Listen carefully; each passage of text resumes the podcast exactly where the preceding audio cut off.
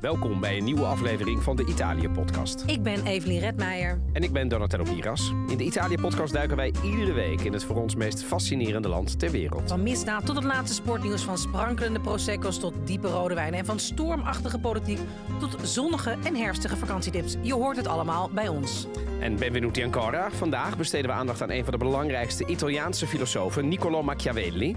Duik met ons in het leven en de ideeën van Niccolò, de grondlegger van de moderne politieke wetenschappen. Hoe groot is de invloed van Machiavelli op de politiek en samenleving van vandaag? Nou, we hebben ook nog een drankje, een mooie docutype, wat lezerspost. Cominciamo. Daar gaan we.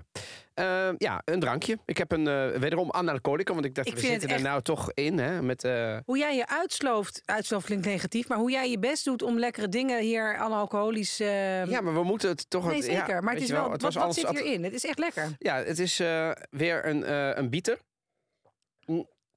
Dat is een analcolico bieter. Dan, eh, si- eh, eh, hoe noem je dat? Sinaasappelsap. Uitgeperste sinaasappels. En dan gezeefd, want anders krijg je al die, die pulp erin. En dan doe je er wat kaneel en wat aransje in. Zodat hij een beetje zo à la sangria trekt. Ja. Dus die zitten, die, zo zie je hier, zitten er een beetje in zo. Oh, jij hebt echt een prachtig... ehm, En eh, dat leng je dan een beetje aan met een klein beetje eh, ijs en San Pellegrino water. En ik heb het afgemaakt met, die, eh, met, een, met, met één shotje alcoholvrije wijn. Dus hij is helemaal virgin, maar wel lekker. Doorslessend. lekker, echt ja, lekker, ja, nou, echt dat gaan we doen. Ehm, nou, Evelien, laten we ook eens eventjes in wat lezerspost duiken. Ja. Want we, we krijgen toch wel wat... er altijd weer kritiek. Oh, god. Nou ja, mensen vinden dat, eh, dat we... te- te- te- Te snel praten. Nee, dat, wil, dat viel er weer eens mee. Maar we zijn. ehm, ehm, we komen niet snel genoeg ter zake. Die heb ik op Instagram namelijk gekregen. Oké, vertel. Dat het af en toe een kwartier kan duren. Dat wij dus eindeloos aan het ouwe hoeren zijn. En dat mensen denken van ja, oké, maar. eh, het ging vandaag toch over Ferrari? Ja, eh, mag, mogen we alsjeblieft iets meer weten over de supervulkaan? Ik snap dat. ehm, maar ja, zo is het nou eenmaal. ja, ik zit even te kijken wie Ja, dat eigenlijk. ik, moet, ik moet zeggen dat mijn vrouw, die, was, die, die had laatst ook weer geluisterd, die zei ja. eh, want hebben jullie eigenlijk een format? Ik zei ja, het, dat is al, Ja, we dat hebben al- een format, Dat al Roos. 170 afleveringen hetzelfde. Ja, Namelijk, we beginnen, dan is er een drankje van de week. Ik ga het gewoon uitleggen nu aan alle mensen. Na het drankje van de week is er nieuws en lezerspost. ja, Wat we- ons is opgevallen in het nieuws en of lezerspost. ja. Daar zijn we nu, Mhm. lieve mensen. En daarna hoor je een jingle. En dan gaan we naar het hoofd. En dan gaan we naar het, en we hebben bijna altijd Ja, een hoofdonderwerp. Ja, Hoe klein ook, maar we maar hebben we meestal- hebben hem altijd. En we hebben altijd een afsluiter in de vorm van een cultuurtip of een vakantietip. Ja, en vandaag is het hoofdonderwerp voor de mensen die dat nog niet gevolgd mochten hebben. Machiavelli. Ja, daar gaan we het zo meteen over hebben. Roos, hoezo Nee. heb je dit format Ja. er weer niet uitgehaald? Nee, dat ja, ja, ja, moet je het misschien toch aan het format denken. Dat, dat, Maar goed, Ja. John Dijk die schreef... ik luister nu zo'n twee jaar naar eh, jullie podcast met veel plezier. Maar, oh, dus Ja, je verslik je de- ja, dat snap oh, ik. erg. zouden jullie weer iets eerder ter zake kunnen komen? 10 minuten 53. Vind ik mooi dat het even geklokt is. Over allerhande onzin en SBS 6-programma's zijn niet erg interessant. Ook een kleine sneer richting SBS. Zeker, zeker. Dat is toch wel, ik vond het wel goed nieuws. Verder ben ik erg tevreden. Ik heb het wel op zich eh, ter harte genomen. Dus we gaan nu kort zijn. Ja, dus ik heb geen verdere lezerspost meer. Nee, grapje. Nee, Maar ik heb wel, want nee, wel, eh Niek had ook nog een aardige Ja, nou, dat vond ik uit. En weet je, die, die zei: eh, Uit de podcast maak ik altijd op dat jullie geen probleem hebben met lange lezerspost. Dus ik dacht, laat ik eens een poging wagen. En dat, dat, dus dit zet ook mensen aan om eens eventjes hun, hun, hun hartekreten Ja. ergens even op papier te zetten. Nou, dat heeft hij gedaan. Eh, wat ik leuk vond, laat ik daarmee beginnen. Want er komt ook hier kritiek. Maar wat ik leuk vond, is dat hij zei: ehm, een recensie van mijn bezoek aan Trento. Ja, Want eh, dat, dat, dat, dat, door jullie aflevering over Trento besloten mijn partner en ik dit jaar een week naar Trento te gaan. En we waren erg enthousiast. Prachtige stad, alles te doen. Nou, eh, hij heeft een heel mooi epistel geschreven. Wel wat kritiek over als veganist is het soms wel lastig in Italië om ergens iets anders te eten. Ja. En daar was laatst ook iemand die daarover begon. Dat ik dacht van, god, dat is misschien wel een keer aardig om in te duiken. Dat dat De gewoon... vegan kitchen. Ja, Wordt wel steeds meer, heb ik de indruk. Ik kom het echt wel overal tegen. maar, maar, misschien kom ik maar al- vergeleken Misschien met... kom ik alleen op vijf sterrenplekken, maar dat denk ik niet. Nee? Nou ja, ik heb het idee dat, dat, dat Italië toch nog wel wat achterloopt met sommige dingen. Dus dat, en dat dat allemaal wat langer duurt. Maar Ja, maar dat, dat, dat, dat denk ik ook wel. En hebben natuurlijk een hele sterke eh, culinaire cultuur die ze niet snel loslaten. ja, Daarover de komende weken nog wel vaker een uitzending. Ehm, hij zei misschien is dat... Hè, eh, eh, jullie hebben het al verschillende keren over eten in Italië gehad... maar misschien ook leuk om te bespreken hoe het is om vegan te zijn. Nou, dat, dat, dat kunnen we wel een keer doen, toch? Zeker, zeker, zeker, zeker. En ook Ja. vegan, dat soort dingen. En ook nou ja, dingen als bio eten in de supermarkt is ook lastig te vinden. Kip met bio. Ja, hoewel ik wel, als jij gewoon in de beter. grote supermarkt gaat... dan heb ik het echt over de, de, de Colnade of de Carrefour... of de, echt die, die hypermercati. En die zijn in bijna ieder gehucht in Italië is er wel één. Daar kom ik inmiddels zo'n echt wel hele lange rijen van met biologisch en zo tegen. En alle huismerken hebben een hele bioschap. Want ik heb er in Toscane dit jaar nog eens extra op gelet. Eh, maar niet in de kleine supermarkt in het dorp. Daar niet. Nee, Daar doen ze het niet. nee, nee dus dat... Dus het is wel, je moet er wel met de auto naar zo'n industrieterrein en dan je auto vol gaan laden. Maar dan, als je dat één keer per week doet. oh, die supermarkt, die hypersupermarkt. eh, Ongelooflijk. is toch, nou, in Frankrijk heb je ze ook. Hypermarché. Hypermarché, maar het is toch geweldig. Weet je wat ik ook zo mis in Nederland, eh, eh, vergeleken met Italië?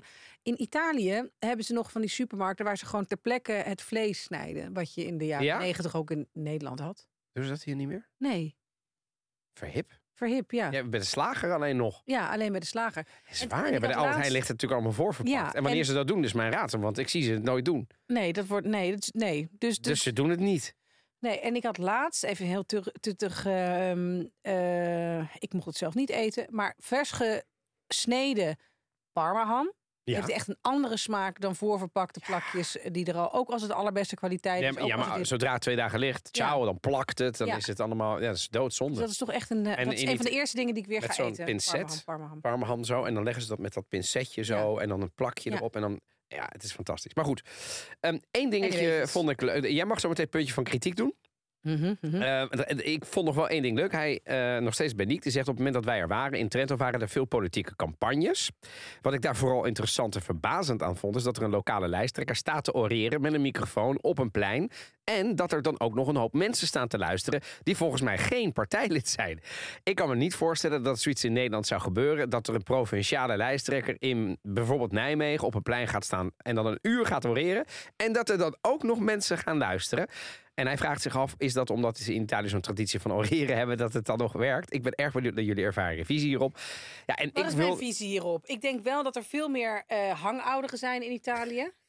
Nee, dat denk ik serieus. Er is gewoon een heel Hangouderen. fenomeen- Hangouderen. Dat is ook wel een negatief frame hè, voor die arme mensen die gewoon naar buiten gaan Nou ja, oké. hangen. Hangen, ja. Maar dus je hebt ook een heel fenomeen in Italië van Italiaanse oude mannetjes. Hm. Die bij werkzaamheden staan te kijken. Dus die gaan Ja. dan kijken. Ja, zo waar. Ja. Die staan er dan met de hand op de rug. Dus ik denk dat er veel meer En praten.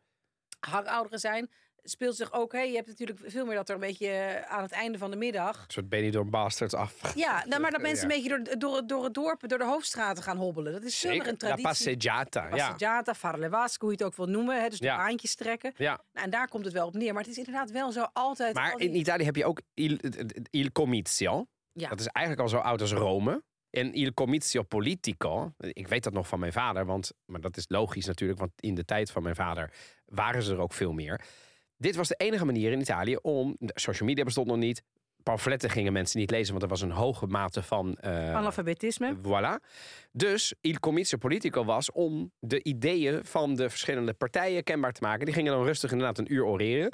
Dat is een beetje de erfenis er nog van, denk ik ook. Want er is in Italië inmiddels ook social media.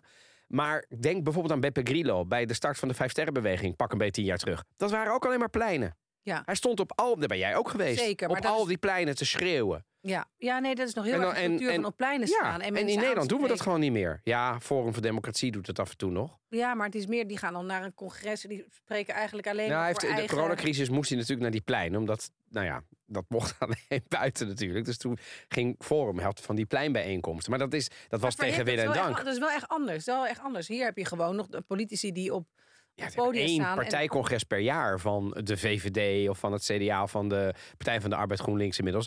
Maar, maar, maar we gaan nu niet, ik bedoel, je ziet niet Jesse Klaver of Nee. in dit geval Timmermans verhalen op, op het. Malieveld dat hij eventjes gaat staan oreren. Laat staan dat hij een uur komt. Dat doen we niet meer. Ja, ja, maar dus ook dat er gewoon een hele tour is. En dat van, even, Maar in Italië doen we dat nog zeker, steeds. Zeker, ja. Want ook zeker. La Meloni, die heb jij volgens mij nog Die heb ik nog een keer gevangen. bijna gevangen. Ja, hou maar op. Ja.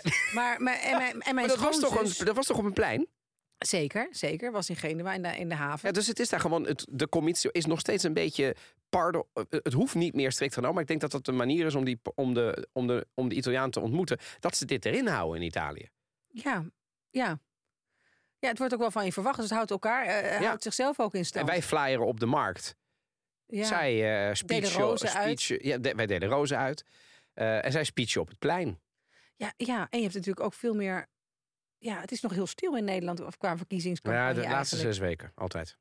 Ja, ja. ja. Maar goed. Oké. Dus, maar, maar Niek, eh, en maar er was ook nog een beetje kritiek. Hè? Punt van kritiek. Ja, komt ie. Als jullie een podcast maken over de actualiteit of culturele gebruik in Italië, weten jullie altijd een goede diepgang te vinden in het onderwerp. Bij historische onderwerpen, zeker van voor de 20e eeuw, heb ik het idee dat het vaak wat oppervlakkiger wordt. En misschien is het ook wel omdat mijn eigen kennis daar veel groter is. En dat het daarom opvalt. Nou ja, ik snap wat hij bedoelt. Maar het is ook dat die onderwerpen gewoon te gigantisch zijn. dus dan kun je het wel hebben over de, over de Medici of weet ik veel, over het Romeinse Rijk of over noem maar wat. Maar je wilt wel een beetje in, in dat format, wat super strak is bij ons, nogmaals. Ja? Er is een format. Er is een format. Ja. Dat, dat, het moet wel in een max een half uur, met alles eromheen, uh, een beetje ja, maar precies worden verteld. Want we hebben ook nog de andere onderdelen van het format. En we willen niet. Kijk, uh, je wilt iedereen een beetje tevreden stellen. En sommige mensen zijn misschien super geïnteresseerd in dat onderwerp. Bijvoorbeeld vandaag is Machiavelli. Dat is een onderwerp, Niek, van voor de 20e eeuw. Ja, oh, daar gaan we. Daar gaan we. maar er zijn keuzes gemaakt. Want we, gaan natuurlijk niet. Uh, ik kan niet compleet zijn over Machiavelli. Dat wordt ook een beetje saai voor de mensen die uh, denken. Nou, nu weet ik. Na 20 minuten heb ik wel genoeg. Dus ja, we maken keuzes. Ja. En je hebt gelijk. Uh, dat er dan misschien dingen, zeker als jij er zelf veel van af weet, dat ze er niet in zijn. Um, ik probeer er altijd een disclaimer bij te geven, maar het is, het is, ik, het is ook een beetje onvermijdelijk, toch? Ja, zeker. Er is weinig uh, aan te doen. Ik denk toch dat we even diep moeten ademhalen en toch maar naar het hoofdonderwerp moeten gaan als we durven. Maar eerst even dit. Donatello, wist jij dat Colmar, onze sponsor, hun 100-jarig jubileum viert als een iconisch Italiaans modemerk. Jazeker. Het begon namelijk in de jaren 30, 1930 om precies te zijn, toen ze katoenen pakken begonnen te maken voor arbeiders en benzinestationmedewerkers. Maar het echte keerpunt kwam toen Leo Gasperi in beeld kwam, toch? Ja, Leo Gaspel was een, Oost Gaspel, ja, een Oostenrijkse skier. Maar die werd later dan weer Italiaan. Hij was een snelheidsskier. Hij was he, alpine skier, eh, beroemd om zijn snelheid, ook vanwege de afdaling. Beroemd om zijn tijd. En hij werd de skileraar van beroemdheden. Denk aan Anita Ekberg en Vittorio Gassman. En voor hem heeft Colmar iets heel bijzonders gemaakt. Ja, ze ontwierpen speciaal voor hem een zogenaamde een innovatieve jas. Een innovatieve jas. Dus een jas die dus niet alleen er goed uitzag en warm was, maar dat ging een stuk verder. Technologie en zo. Precies. Dan hadden we de Olympionica. Het eerste anorak gemaakt voor sport. Het is zo'n waterdichte jas met capuchon die je helemaal over je hoofd trekt. Oh ja.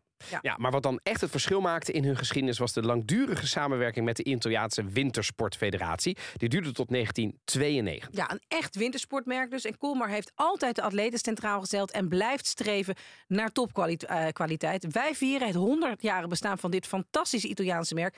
En ook echt made in Italy. Dus ook echt een familiebedrijf waar Italië zo beroemd op is. En waar we het hier ook vaak over hebben. En daarvoor kun je nog meedoen met de winactie. We gaan volgende week de winnaar bekendmaken. Maar als je dit luistert en denkt, ik wil ook zo'n jack van, um, van Colmar. Prachtig zijn ze. Stuur dan een mailtje naar italiëpodcast.gmail.com. En geef antwoord op de vraag waar het merk Colmar oorspronkelijk vandaan komt in Italië. We hebben het in wat eerdere uitzendingen of afleveringen verteld. Gaan we ja. dit nu weer flauw doen? Nee. Vast ook wel ergens te vinden op internet. Is natuurlijk een beetje flauw, vals spelen. We hebben liever dat je gewoon goed naar ons luistert als, je, als we wat vertellen over de sponsor.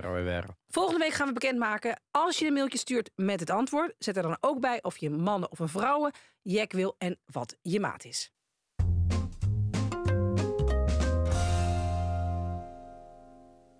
It was rumored a cardinal had graced Florence with his presence. Ah, Signor Machiavelli. I want to restore the glory of her holy church. And Florence promised him? As Pope. As her humble servant. Indeed. Do not be deceived by appearances. Signor de Medici values my opinion, especially as he does not have one of his own. Does Florence have an interest in France? Florence has an interest in everything. And what do you want of Florence? I ask Ja, we Machiavelli. Ja, dit is een eh, fragment van de afdeling De Borgias. Een eh, oh ja, serie. oh ja, ja, ja, ja. En daar komt, het speelde in die tijd. En daar is natuurlijk een van de rollen weggelegd voor niemand minder dan Niccolò Machiavelli. En daar gaan we het vandaag over hebben. Het leven en het werk van Machiavelli. Een man die bekend staat om zijn controversiële ideeën. Maar ook de invloed op de politieke wetenschappen. Het is een van de meest beroemde Italiaanse filosofen ooit. Maar vandaag gaan we erachter komen wie was deze beste man. Van wie wordt gezegd dat hij de meester van realpolitiek was. Machiavelli, geboren op 3 mei 1469 in Florence, wat toen echt een beetje het centrum van de westerse wereld was. Zeker. eh, wordt beschouwd als een van de grote genieën van zijn tijd. En hij wordt vaak vergeleken met Leonardo da Vinci vanwege zijn buitengewone veelzijdigheid en intellectuele kracht. Beide leefden in het Florence van het einde van de 15e en het begin van de 16e eeuw. Een tijd van culturele bloei en politieke onrust, maar ook de Renaissance, il Rinascimento. Ja, ja. En in 1498 begon Machiavelli als vice-kanselier en diplomatiek secretaris van de toenmalige Republiek Florence. Hij was getuige van de politieke opkomst en de ondergang van Florence, wat nogal van invloed was op zijn denken. En toen de familie de Medici aan de macht kwam, let op, speciale aflevering over gemaakt. Ja. In 1512 was dat, verloor hij zijn positie en trok hij zich terug uit de politiek. Na zijn ontslag uit de politiek werd hij gedwongen zich terug te trekken uit het openbare leven. En in die periode van ja, ballingschap begon hij te schrijven en produceerde hij veel van zijn bekendste werken. Werken die tot op de dag van vandaag bekend zijn, waaronder Il Principe, de vorst. eh, dat later zijn meest beroemde werk zou worden. En hij bracht zijn ballingschap door op zijn landgoed in San Casciano in Val di Pesa, waar hij zich wijdde aan studie en schrijven tot aan zijn terugkeer naar Florence in 1519, dus zeven jaar later. Ja, en dat San Casciano, dat kun je over nu prima Daar was ik bezoeken. benieuwd naar. Dat Genoeg dus. agriturismo, sportjos, dingen. land. Ja, ja, maar dat is een heel. eh, San Casciano, ik heb daar namelijk ook wel een paar keer gekeken. Om daar, het is natuurlijk dicht bij Florence, heuvelrijke omgeving, eh, dicht bij de Chianti-streek. Dus het is natuurlijk een prachtige plek om een keer toeristisch eh, te verblijven. Nou, als je dan kijkt naar het meest bekende werk. Ik moet eerlijk bekennen, ik heb daar alleen stukjes van gelezen. Il Principe of De Vorst. Je hebt het hierbij. Ja, ik, het is de Engelse variant. Ja, vond waarin hij lastig. betoogde dat vorsten autocratisch mochten heersen als de situatie dat vereiste. Hij stelde dat het doel, het effectief besturen van een staat, de middelen heiligde. Hiermee brak hij met de heersende opvattingen van die tijd. Ja, en ik heb, het, eh, in, in, ik heb het in de voorbereiding er nog wel even bijgepakt. Want ik moet je ook eerlijk toegeven, behalve wat stukjes en eh, de twee quotes, dacht ik. Eh, hoe zat het ook alweer? Eh, en toen herinnerde ik me dat ik ooit een stuk moest schrijven. Ik weet niet meer waarom, maar dat ging over de term virtu. En in de context van Machiavelli's betoog. Deugd. Ja, eh, naar de politieke daadkracht van de vorst en niet naar de morele deugd. Ehm, ehm, het hij bedoelt daarmee het vermogen van een leider. Dat kan een wereldleider, een kerkleider zijn of een CEO. Eh, om doortastend en effectief te handelen in het belang van de staat. Even voor de duidelijkheid: deze Machiavelli was een enorme liefhebber van Florence. Hij, hij, hij, hij hield meer van Florence dan van zijn eigen leven. Maar hij was ook een enorme liefhebber van Italië. En Italië was toen in verderf. Het was overheerst door allerlei volkeren en hij trok dat niet. Dus hij dacht, hoe kan het nou dat we ooit het Romeinse tijdperk waren? En dat het nu zo'n puinhoop is. Hoe dan? En hij dacht, weet je, het heeft ook te maken met hoe die leiders er een beetje in staan. Nou, de virtu staat in contrast met traditionele ethische deugden. En al die filosofen daarvoor waren van de ethische deugden. Denk aan bijvoorbeeld Aristoteles. Je moest ethisch deugen. Je moest een intrinsiek goed mens zijn om een goede leider te zijn. Dat was gewoon, En je kon, hij zegt eigenlijk even platgeslagen, eh, maakt niet uit. mag je ook Maar zijn. als het als het maar, maar, het doel, als het maar de, de middelen... Het, de staat is belangrijk. Ja, ja. Dat is, weet je, en als de staat, dus, dus dan moest je een paar dingen hebben. als je daar een ploert voor moet zijn, dan moet je maar even een ploert zijn. Ja, het idee was namelijk dat een leider soms harde maatregelen moet nemen om die stabiliteit van zo'n staat te waarborgen. En tegenover virtu stond de zogenaamde fortuna. En met fortuna bedoelde hij niet alleen maar geluk, maar met alles wat je kan gebeuren. Oh, ja. Dus je, eh, eh, eh, je, je, stel je maakt een programma, je hebt invloed op hoe je presenteert, je hebt invloed op de keuzes, maar je hebt geen invloed op eh, tijdstip en, eh, en kijkcijfers, ik noem maar wat. En, en je kunt, ja, Ja, ja. Nee, ja, maar je kunt dus dingen inzetten. eh, wat hij zegt is die virtu. Ja. Met virtu kon je dat beantwoorden. Dat, dat is wat je kan, als leider kan doen. En Il Principe, en dat was ik vergeten, is een zogenaamde vorstenspiegel. ja, misschien had je er nog nooit van gehoord. Wij ook niet echt. Nee, Een vorstenspiegel is een literair werk dat vorsten advies geeft. Lijkt me wel een hele beperkte markt. Bedoel, Ja, tenzij je natuurlijk als vorst ook ziet. qua kijkcijfers lastig. Lastig publiek, de vorsten. Als je alleen maar daarop mikt. Dan heb je één, dan heb je één kijker. Je één kijker in Nederland? ja, dus, Ja, dat is goed, lastig. ja. heel specifiek. Ja, heel specifiek. Maar goed, eh, eh, de, de, eh, wat ik begreep is dat dit moest ook nooit worden uitgekomen. Oh, echt? Voor hem niet. Nee, Ah. nee, nee. Dus het is een, eh, dat het inmiddels is uitgekomen. Maar het was geschreven eh, bij hem volgens mij voor, eh, voor de Medici. Maar wat is het precies, Nou, het is een literair werk dat vorsten advies geeft. Het genre bestaat al veel langer dan eh, ook voor Machiavelli. En bevat zowel oude, bijvoorbeeld Cicero, als middeleeuwse werken. En bekende voorbeelden zijn opvoeding van een christelijk vorst van Erasmus. Onze goede oude eigen Erasmus. Ja, En dus de vorst Il Principe van Machiavelli... dat de rea- realistische politiek, politieke wereld benadrukt. Ja, nou ja, en eh, kijk, ik, Hoe zou jij het samenvatten? Wat nou de ideeën zijn van Machiavelli? Ja, ik, ik heb het altijd gehoord van ja, eh, dat je Machiavellaans uh, Villaans opereert. Begrijp je? Dus Ja. je gewoon voor de, de verdeel- en heerstactiek. Ja. Begrijp je? en dat is het ook. Maar, maar, maar een het is wel... of zoiets? Ja, en toen ik erin ben gedoken voor het maken van deze podcast, ben ik er wel achter gekomen dat, die wel, dat het wel heel, eh, en dat is niet zo gek natuurlijk, maar dat het heel eenzijdige afdronk is. Dit klopt wat jij zegt, Ja.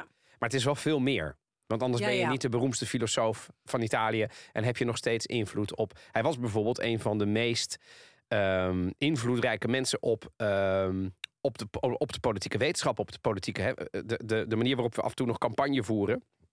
Daar kun je, kun je ook nog wel dringend teruglezen. Overigens, dit is niet zijn enige werk. Hè. Dus, eh, hij heeft ook de dialogen geschreven enzovoort. Dit is wel een van zijn bekendste werken. Maar wat mij opvalt is dat hij eh, heel eendimensionaal wordt afgeschilderd. Ja, want als je bijvoorbeeld op Wikipedia kijkt, heb ik nu voor me Machiavellisme. Als het gaat om politiek, wordt het omschreven als de politieke theorie die stelt dat alles is toegestaan voor het verwerven of behouden van macht. Onafhankelijk van recht en moraal. Vind ik wel een mooie- samenvatting, maar zo ken ik het ook een beetje. En als het gaat om de psychologie, is Machiavellisme een persoonlijkheidstrek die zich kenmerkt door de bereidheid om manipulatie en misleiding te gebruiken voor eigen belang. Ja, en, dat, en zo is het wel een beetje. eh, Verbasterd, zou je Ja. ze- kunnen zeggen. en we- er komt straks nog een leuke cultuurtip. Dat is een documentaire, een BBC-documentaire over Machiavelli. Oh, Heel goed it. gemaakt. Leuk zeg. Heel goed gemaakt. En die begint eigenlijk met allemaal quotes van mensen. Dus de Foxpop. Ja. van mensen. Wat, waar denk je aan bij Machiavelli? En dan krijg je dus een bak aan drek. Het Oh, is ja. allemaal manipulatief. Het is allemaal. Terwijl als je het de fi- hedendaagse filosofen vraagt, Ja. vast niet allemaal. Dan zeggen ze ook allemaal: ja, maar wacht eens even. hij- Zo eendimensionaal moet je hem helemaal niet lezen. Maar Hij nu- was ook. Hij was ook degene die bijvoorbeeld zei: eh, je hebt op sommige dingen geen invloed en op sommige dingen wel. Eh, gebruik je invloed daarom. En zijn hogere doel is altijd de staat. En de staat zijn de mensen. de mensen. Dus uiteindelijk heeft hij wel het. Ja, oké, maar wel met een soort overtuiging dat jij aan de macht voor die staat het beste Ja, nee, is. dat viel dus wel mee. Maar alleen hij zei, ja, weet je, eh, toen zou hij eh, het goede doen. Dat zeiden al die andere ethische Ja, ja. filosofen altijd. Terwijl hij zei, ja, en dan doe je het goede. En dan is het volk aan het morren. En dan bereik je je doel niet. Dus je hoeft helemaal niet aardig gevonden te worden. Moet je je ook helemaal niks van aantrekken. Antipopulist. Je moet het goede doen. Een an- een antipopulist. Hij was geen populist. Hij Nee. praatte niet het volk naar de mond. Maar, maar als we heel veel eh, proberen een voorbeeld te bedenken vandaag de dag met de theorie van Machiavelli in de hedendaagse politiek. Ja, nou, dan is een van de voorbeelden die me nu van realpolitiek, om dat dan maar even te doen, te binnenschiet, de manier waarop China en de Verenigde Staten op dit moment met elkaar omgaan. Hè. Dat zijn beide landen die, nou, laten we zeggen, niet eh, helemaal weg van elkaar zijn. Ze vinden nogal wat eh, van het regime. Hè. De, China heeft een takkenhekel aan dat kapitalisme en de Amerikanen moeten niks van het communisme hebben. Mhm. Maar toch gaan ze op een pragmatische manier met elkaar om. eh, om hun belangen, vooral economische belangen natuurlijk, te behartigen. Ja, dan heb ik er nog één. Vertel. Popke Hoekstra in, eh, als klimaatcommissaris. Zeker. Dat is als je gewoon kijkt, ge- Zeker. gewoon het, het, het doel heiligt de middelen. Hij wilde op die plek komen. En wat was daarvoor nodig? Om daar een realistische eh, klimaatcommissaris te Ja. Had hij eh, de groene nodig. Had Zeker. Hij dus, dus, en Had- toen heeft hij ja. heel veel Ja. toegegeven aan ze. En dan kun, je, dan kun je daarna wel zeggen, zowel aan de groene kant als de Wopke Hoekstra kant... van hoezo heb je zoveel toegegeven? Ja. Maar zowel de groene als de Hoekstra's... eh, Het doel heiligt de Het middelen. doel heiligt de middelen. Ik wil daar komen. Ja, en ik ben er op die manier gekomen. En ik ben er op die manier gekomen. en de groenen zeggen... en Rutte wil- wilde overigens ook dat hij daar kwam. Dat, dat is ook een spel geweest. Over Machiavelli's gesproken. Ja. Maar ehm, En niet een zekere vertegenwoordiger van D66. nee, nee, nee, nee. nee. Dus, zijn- dus dus, begrijp je ja. dan, dan nee, wordt wel. dat- ja, zeker. En, en dan, dan, eh, ja. Maar En het gaat over macht. En, en uiteindelijk heeft Machiavelli altijd gezegd... het gaat om macht. Zonder macht heb je niks. Dus als je uiteindelijk het goede doet... je hebt de macht niet... gaat je volk naar de kloten, gaat je staat naar de kloten. En wat heb je dan? Ja, ja, ja. Dan zit je op je studeerkamer het goede te zijn. En, en more- mo- moreel verwe- ver- verheven te zijn. Ja. ja, en ik kan het als eh, communicatieman toch niet helemaal laten om eh, de huidige politieke campagne te zien. Dus leuk, het- leuk, leuk, leuk, leuk. ik denk het ook te zien in veel verkiezingscampagne. Bijvoorbeeld spindokters en campagnestrategen die begrijpen dat politieke doelen vaak pragmatische strategieën vereisen. Zoals bijvoorbeeld, ik denk aan Brexit of de overwinning van Trump. Heb ik bij training heel vaak vragen over gekregen. En dan zeggen ze, maar neg- negative campaigning werkt toch helemaal niet? Ja, dat werkt dus soms wel. Ja. Dus soms werkt het wel degelijk om te zeggen: eh, gooi de grenzen dicht. Soms werkt het wel om te zeggen: we zijn het zat. En we, dus bij Brexit heeft het gewerkt, bij Trump heeft het gewerkt.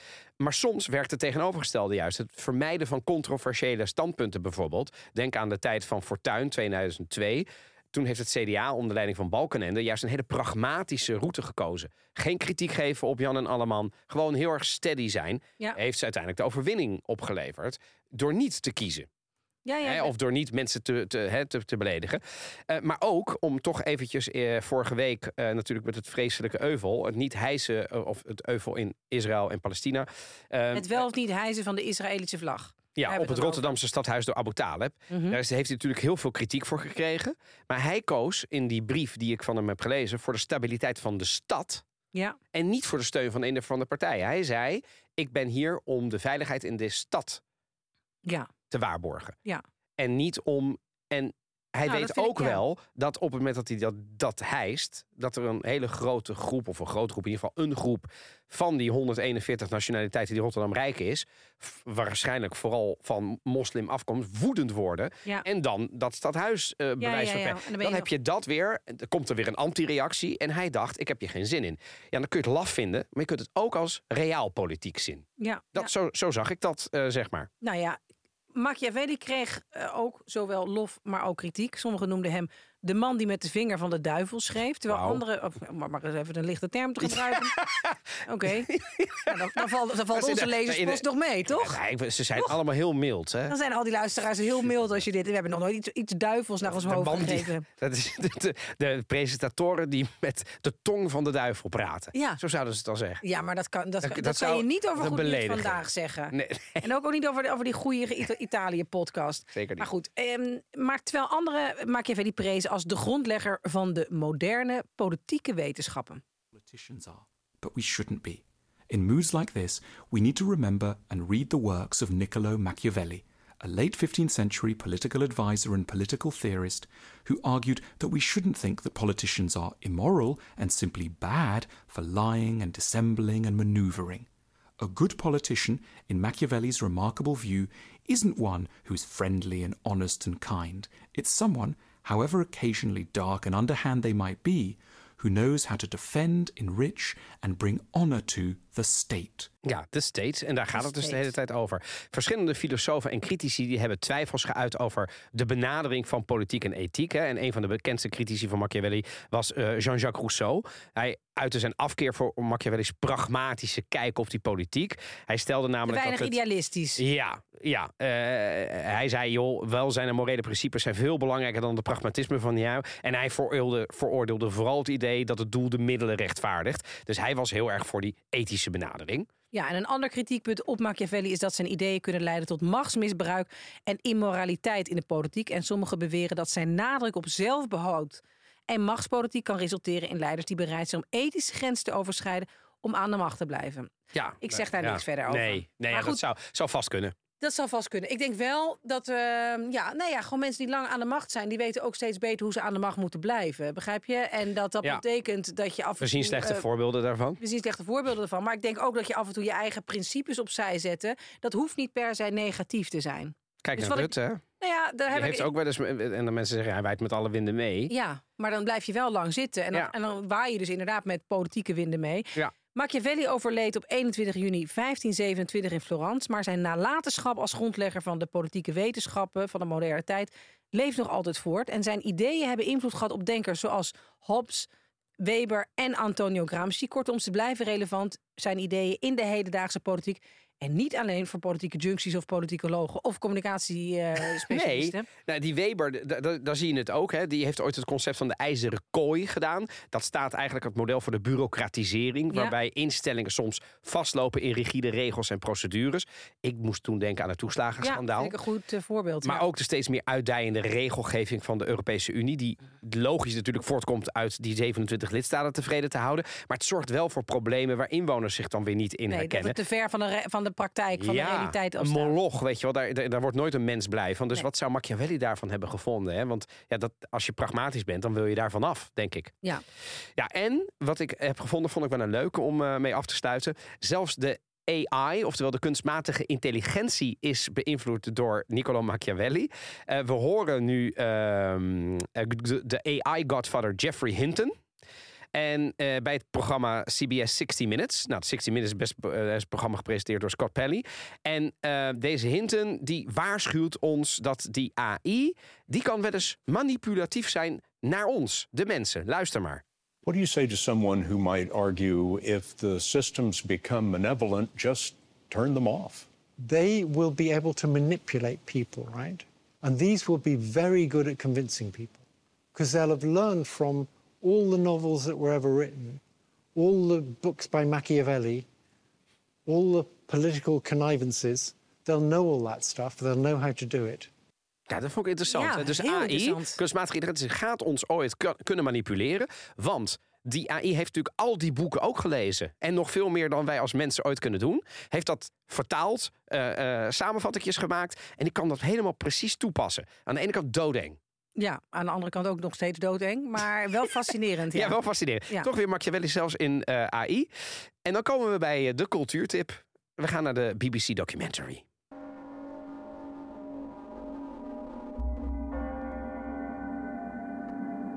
Niccolo Machiavelli, 16th century Italian diplomat, political thinker, arch baddie. His name conjures up everything that's sly about human behavior. Well, we have an image of what the Machiavellian is. I mean, the word is in our dictionaries. He is an adjective. Machiavellian, astute, cunning, intriguing. controlling, powerful, sinister, underhand, devious, scheming. cunning, subtle. nefarious, manipulative, and to a degree, cruel. Peter Mandelson regularly gets described as Machiavellian. I was regularly described as, as Machiavellian. And it's all because of this The Prince. Written 500 years ago, it's about power, how to get it, and how to keep it. Ja, en daar Klinkt gaat het geweldig, over. Het is een geweldig. prachtige docu. Echt een prachtige docu. Viert dus het 500-jarig bestaan. Dit jaar 510. Want het is een 10 jaar oude documentaire. 510-jarig bestaan van, deze, eh, van dit boekje. Il Principe. Ehm, en je kunt hem gewoon gratis www.youtube.nl en dan zit je gewoon eh, op We zetten YouTube. hem uiteraard in de show notes. Ja, en dat gaan we zeker doen. En we eh, de Borgia's is niet meer op Netflix te zien. Dat heb ik nog even gecheckt voor onze luisteraars. Maar je kunt hem wel via eh, Amazon Prime. Oh ja, Moet je hem wel kopen voor 2 euro. Maar dan heb je hem. Dan kun je Oh hem ja. zien. En dus dat, die Borgia's vanaf seizoen 1. eh, Netflix is er januari dit jaar mee gestopt. Dus, ik ga, die, eh, ik ga die documentaire zeker kijken. echt leuk. Tijdens mijn verlof dat ik gewoon echt terugkom op een manier dat, Dat er- jij waar, de, gewoon... waar de honden geen brood van lusten. Dat ik maar met een blik gewoon zo'n hele vergadering uit kan schakelen. Dat iedereen mijn kant op. Manipulatief ook? Nee, want dat is weer te negatief. Gewoon op een hele prettige manier. eh, op een hele prettige manier de, de Oh, ja. mijn richting op krijgen. Ik gun het je Ja, van harte. ja, toch? Ja, ik vind het fantastisch. ik kom, gewoon, ik kom gewoon terug met een soort. Maar je bent, eh, nog, ik ben nog niet weg, hè? Nee, ik ben nog niet weg. Ik heb het nu over als ik weer met de redactievergaderingen nee. oh, daar. van eh ja. Uno Oggi eh, een vandaag ga meedoen. Dan zijn we er alweer. Ik vond het een mooie aflevering. Ja, we toch- anders, ja. ehm, anders naar Machiavelli gaan kijken dan ik hiervoor deed. Ehm, wil je nog meer afleveringen van de Italië-podcast luisteren? Je vindt ons in alle podcastplayers. En abonneer je direct, dan krijg je ons iedere woensdag in je, op je telefoon. En geef ons 5 sterren op Spotify of Apple Podcast. Dat helpt ons om hoger in de lijstjes te komen. Ja, en wil je nou adverteren? Dat willen wij natuurlijk ook heel graag, want dan bestaan wij langer. Adverteren at dagennachtmedia.nl.